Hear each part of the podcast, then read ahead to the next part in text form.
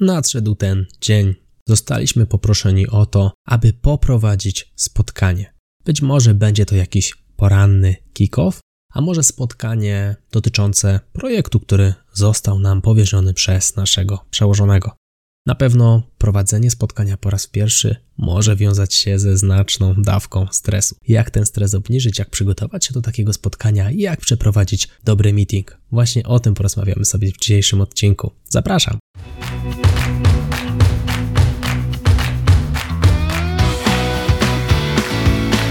Chcesz przenieść swoją karierę na wyższy poziom?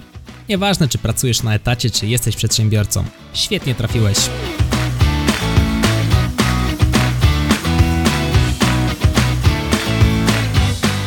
Nazywam się Michał Kowalczyk i witam Cię w Excellent Work Podcast. Pamiętam, jak w ostatniej firmie, w której dane było mi pracować, dostałem projekt, który wiązał się właśnie z licznymi spotkaniami, gdzie to ja miałem być tym, który takie spotkania poprowadzi. Było o tyle trudniej, że pierwszy raz prowadziłem spotkania w tak złożonym zespole. Były tam osoby z Azji, były tam osoby z Europy, a także z Ameryki, a więc mnogość kultur, no ale także złożoność problemów, różne działy. Nie wiedziałem, jak do tematu podejść, a więc udałem się do szefa i poprosiłem go o pomoc. Powiedziałem mu prawdę, że to będzie pierwszy raz, kiedy prowadzę tak duże spotkanie. Wiem, że on ma już w tym doświadczenie, bo wcześniej to on właśnie takie spotkania hostował, on takie spotkania prowadził i poprosiłem go o kilka rad. I myślę, że to jest dobry pomysł. Jeżeli ty będziesz w takiej sytuacji, możesz najzwyczajniej w świecie podejść do swojego przełożonego, no i powiedzieć mu, jakie masz obawy, że się stresujesz, że to jest twój pierwszy raz, że byłeś już na takich spotkaniach, ale co innego być na spotkaniu, a co innego takie spotkanie poprowadzić. A więc od tego zacząłbym w ogóle to nasze dzisiejsze słuchowisko albo oglądanisko, oczywiście tutaj kolokwialnie mówiąc, ponieważ jeżeli oglądasz to na YouTube, to nie słuchasz, a raczej oglądasz i słuchasz przy okazji. Punkt pierwszy. Zapytaj szefa, poproś szefa o pomoc. Kolejna sprawa, coś od czego warto na pewno zacząć przygotowania, to agenda. Warto osobom, które zaprosisz na spotkanie, taką agendę przedstawić. To spowoduje, że one będą już mogły się chociaż trochę przygotować na spotkanie, które będzie niedługo nadchodziło. No i oprócz agendy warto byłoby oczywiście się przygotować, aby móc zrealizować punkty tej agendy, mówię tutaj o Twoim przygotowaniu. Pamiętaj o podzieleniu się też z osobami zaproszonymi potrzebnymi danymi. Daj im przestrzeń na to, aby mogli się z tymi danymi zapoznać. A więc pewnie złym pomysłem będzie planowanie spotkania o 8 rano, które ma się odbyć o 10, bo akurat wszyscy potencjalnie zainteresowani o 10 mieli okienko. Dobrym pomysłem byłoby pozostawienie chociaż 24 godzin od momentu wysłania zaproszenia do momentu, kiedy to spotkanie się odbędzie. Kwestia prezentacji. Znów pytanie, czy ta prezentacja jest potrzebna, czy ta prezentacja nie jest potrzebna. Jeżeli rozmawiasz o danych, jeżeli rozmawiasz o trendach, o liczbach, chcesz lepiej zwizualizować to, co chcesz przekazać osobom, które na tym spotkaniu będą, dobrym pomysłem może być właśnie podparcie się prezentacją. Staraj się nie robić ścian tekstu. W momencie, kiedy podzielisz się ekranem z uczestnikami spotkania i na tym ekranie znajdzie się olbrzymia ilość tekstu, powiedzmy, że będzie to 5-8 zdań, na slajdzie to jest już naprawdę sporo, ludzie zaczną czytać ten tekst, a nie skupiać się na tym, co mówisz. Staraj się, aby slajdy były po prostu tłem do Twojego opowiadania. Chodzi o to, aby w momencie, kiedy ktoś wróci w przyszłości do tej prezentacji, był w stanie sobie przypomnieć, o czym był ten slajd, ale jeżeli go nie było na prezentacji, to nie byłby w stanie z tego slajdu wyczytać wszystkich informacji. No, slajdy nie są po to, aby ktoś mógł sobie je potem przeczytać, i dowiedzieć się wszystkiego, co powiedziałeś, bo każdy umie czytać. Starajmy się, aby slajdy były naszym tłem, abyśmy mogli opowiedzieć, co na tych slajdach się znajduje, ale tak, aby była tam też wartość dodana. Slajdy powinny być wyraźne, Pamiętaj o jakości rzutników, jeżeli spotykacie się w sali. Dzisiaj w XXI wieku raczej to jest rzadkość, raczej spotykam się w internecie, także staraj się robić kontrasty. Nie rób szarości na białym tle, raczej czarny na białym tle albo bardzo ciemny szary na białym tle. To jest coś, co faktycznie dobrze oddaje kontrast. Chodzi o to, aby skupić się na treści, aby skupić się na przekazie, a nie zastanawiać się, co tam ktoś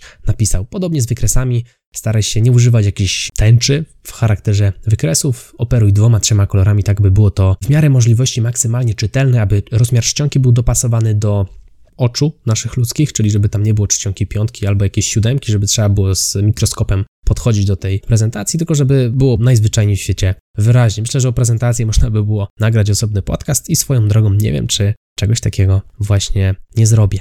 Czasami na prezentacji wystarczy plik z danymi. możesz podzielić się swoim ekranem, pokazać ekran Excela. Swoją drogą taki przydatny skrót Ctrl F1.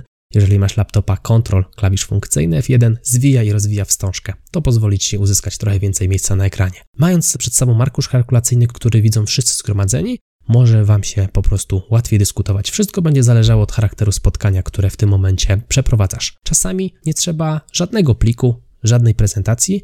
Czasami to nie ty na spotkaniu jesteś kimś, kto dzieli się swoimi danymi, tylko osoby, które pytasz. Przykład takiego spotkania. Regularnie spotykałem się z zespołem salespersonów, czyli działu sprzedażowego z różnych części świata. No i to oni mi podawali liczby, oni dzielili się ze mną swoim ekranem, ja od nich te liczby potencjalne wartości sprzedażowe wyciągałem i umieszczałem w swoim pliku.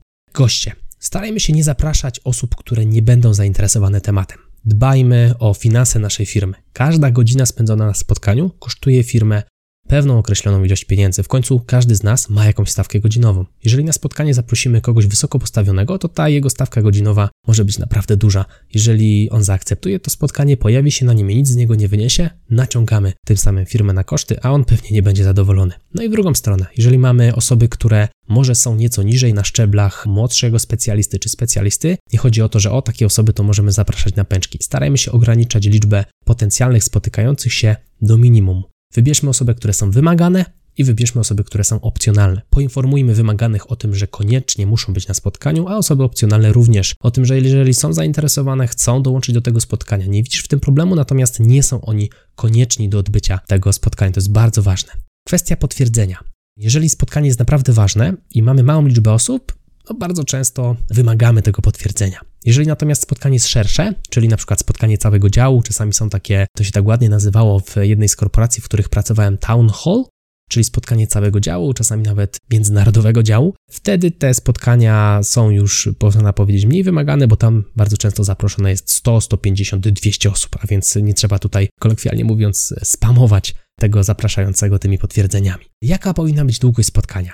Znowu zależy od tematu. Im krótsze, tym lepsze, bo tu nie chodzi o to, aby siedzieć w sali i wypełnić całą przestrzeń, która jest dedykowana spotkaniu. No i właśnie jest też takie powiedzenie, że spotkanie zajmie tyle, ile czasu zostało na nie przeznaczone, a więc starajmy się maksymalnie ten czas ograniczać. Jeżeli to spotkanie jest złożone, poruszamy wiele wątków i trwa dłużej niż półtorej godziny, starajmy się przedzielić te nasze spotkania na bloki. Mniej więcej po półtorej godziny, przy czym jeżeli skończymy dany blok półtorej godziny, zakończymy go jakąś konkluzją, zamknijmy jakiś temat w tym czasie, tak aby otwierając kolejny blok po przerwie, powiedzmy, nie wiem, 10-15 minutowej, aby nie wracać już do tej pierwszej części, aby móc kontynuować rozwiązując nowe problemy, kontynuując kolejne tematy. Czemu akurat półtorej godziny? No chodzi o to, że jednak my nie jesteśmy w stanie być skupieni przez 3 godziny cały czas na intensywnym spotkaniu, gdzie rozmawiamy, potrzebne jest nasze skupienie, robimy notatki, to jest naprawdę długo. I to się tyczy też szkoleń, ja też staram się w e, czasie szkolenia nie robić takich bloków 3, 4, 5 godzin, tylko raczej krótsze bloki. Po jakichś konkretnych modułach robimy przerwę, czy to na toaletę, czy na zabranie kubka kawy i to naprawdę dobrze się sprawdza. Podobnie to działa w korporacjach, jeżeli chodzi o takie dłuższe team meetingi. W jednej z książek, już teraz nie jestem Ci w stanie powiedzieć, w której czytałem o metodzie robienia spotkań na stojąco. Chodziło o to, że wtedy takie spotkania były po prostu krótsze bo ludzie chcieli iść i usiąść. Załatwiali to, co potrzebowali i wychodzili z team meetingu, więc to też jest jakiś pomysł, natomiast e, znowu będzie to pewnie zależało od kultury organizacyjnej, no i nie każdy zgodzi się na tego typu spotkanie. Zaczynamy już to nasze właściwe spotkanie. Zaprosiliśmy wszystkie potrzebne osoby, mamy potwierdzenia, wiemy jaka jest szacowana długość, poinformowaliśmy naszych uczestników o tym, jaka jest agenda, jakie są dane, czy powinni się przygotować, czy też nie. No i teraz zaczynamy fizycznie to nasze spotkanie.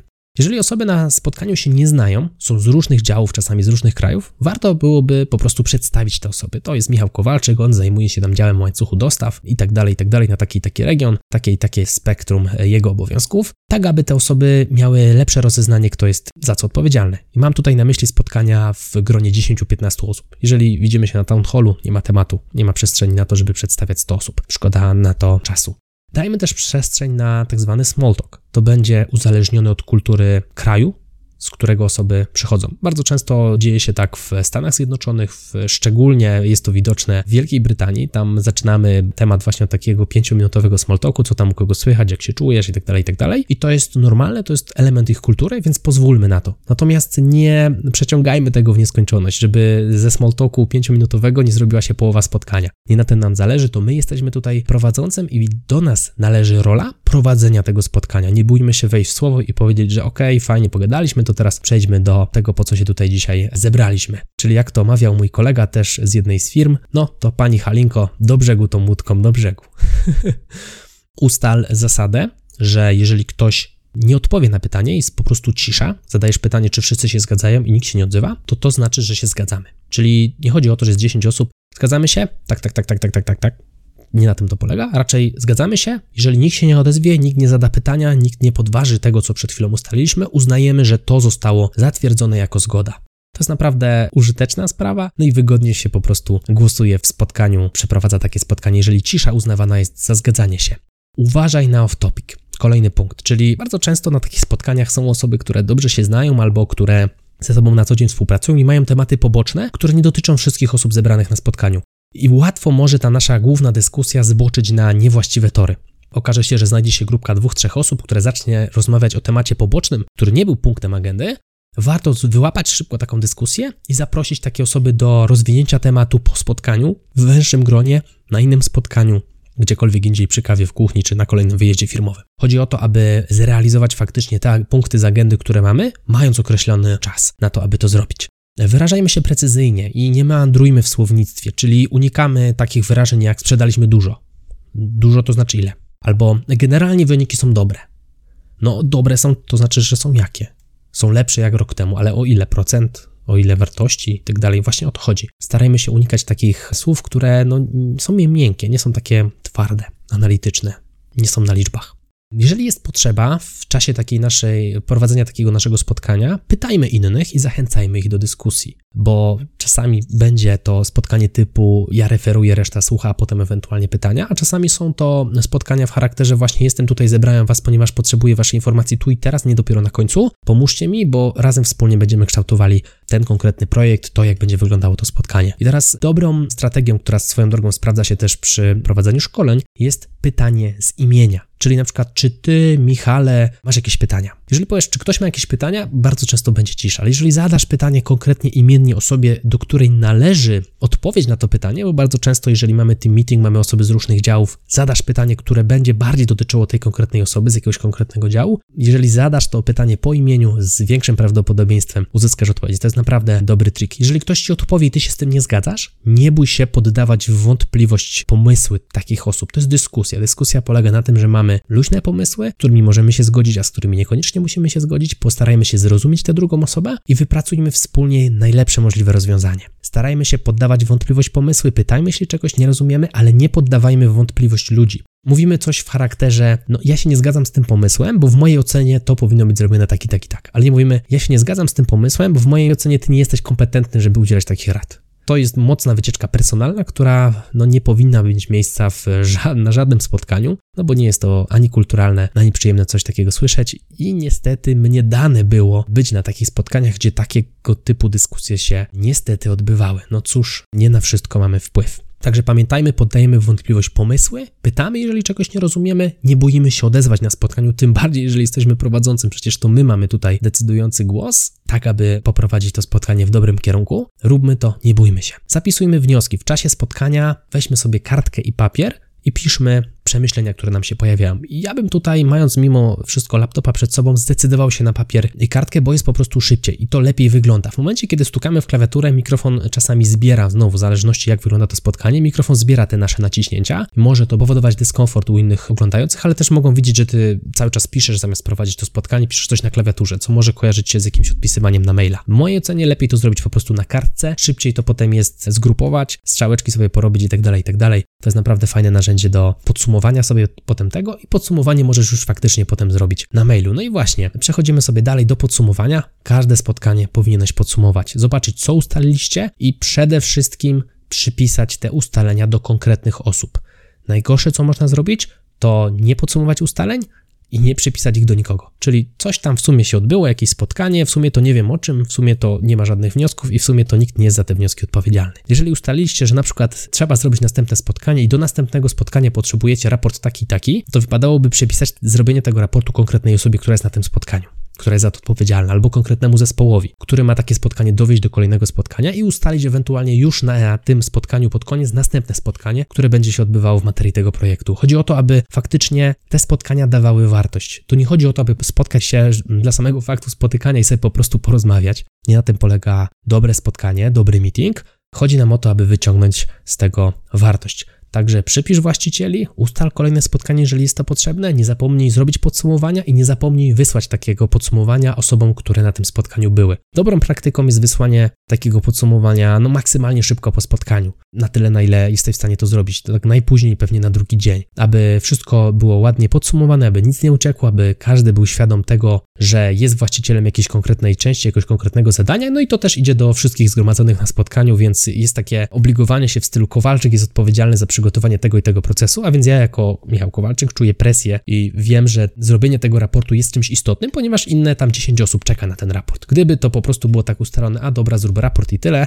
no ten nacisk czasami jest on po prostu niewystarczający, nie każdy jest na tyle zmotywowany, że jak usłyszy zrób raport, to po prostu zrobi. Czasami potrzebujemy trochę takiej większej deklaracji przed większą liczbą osób, a nie tylko przed jedną osobą, która jest tam może jakimś specjalistą. Ja wtedy w roli starszego specjalisty te spotkania prowadziłem i byli na nie zaproszeni menadżerowie, a jako host te spotkania prowadziłem. No i to było w mojej ocenie całkiem takie ciekawe doświadczenie.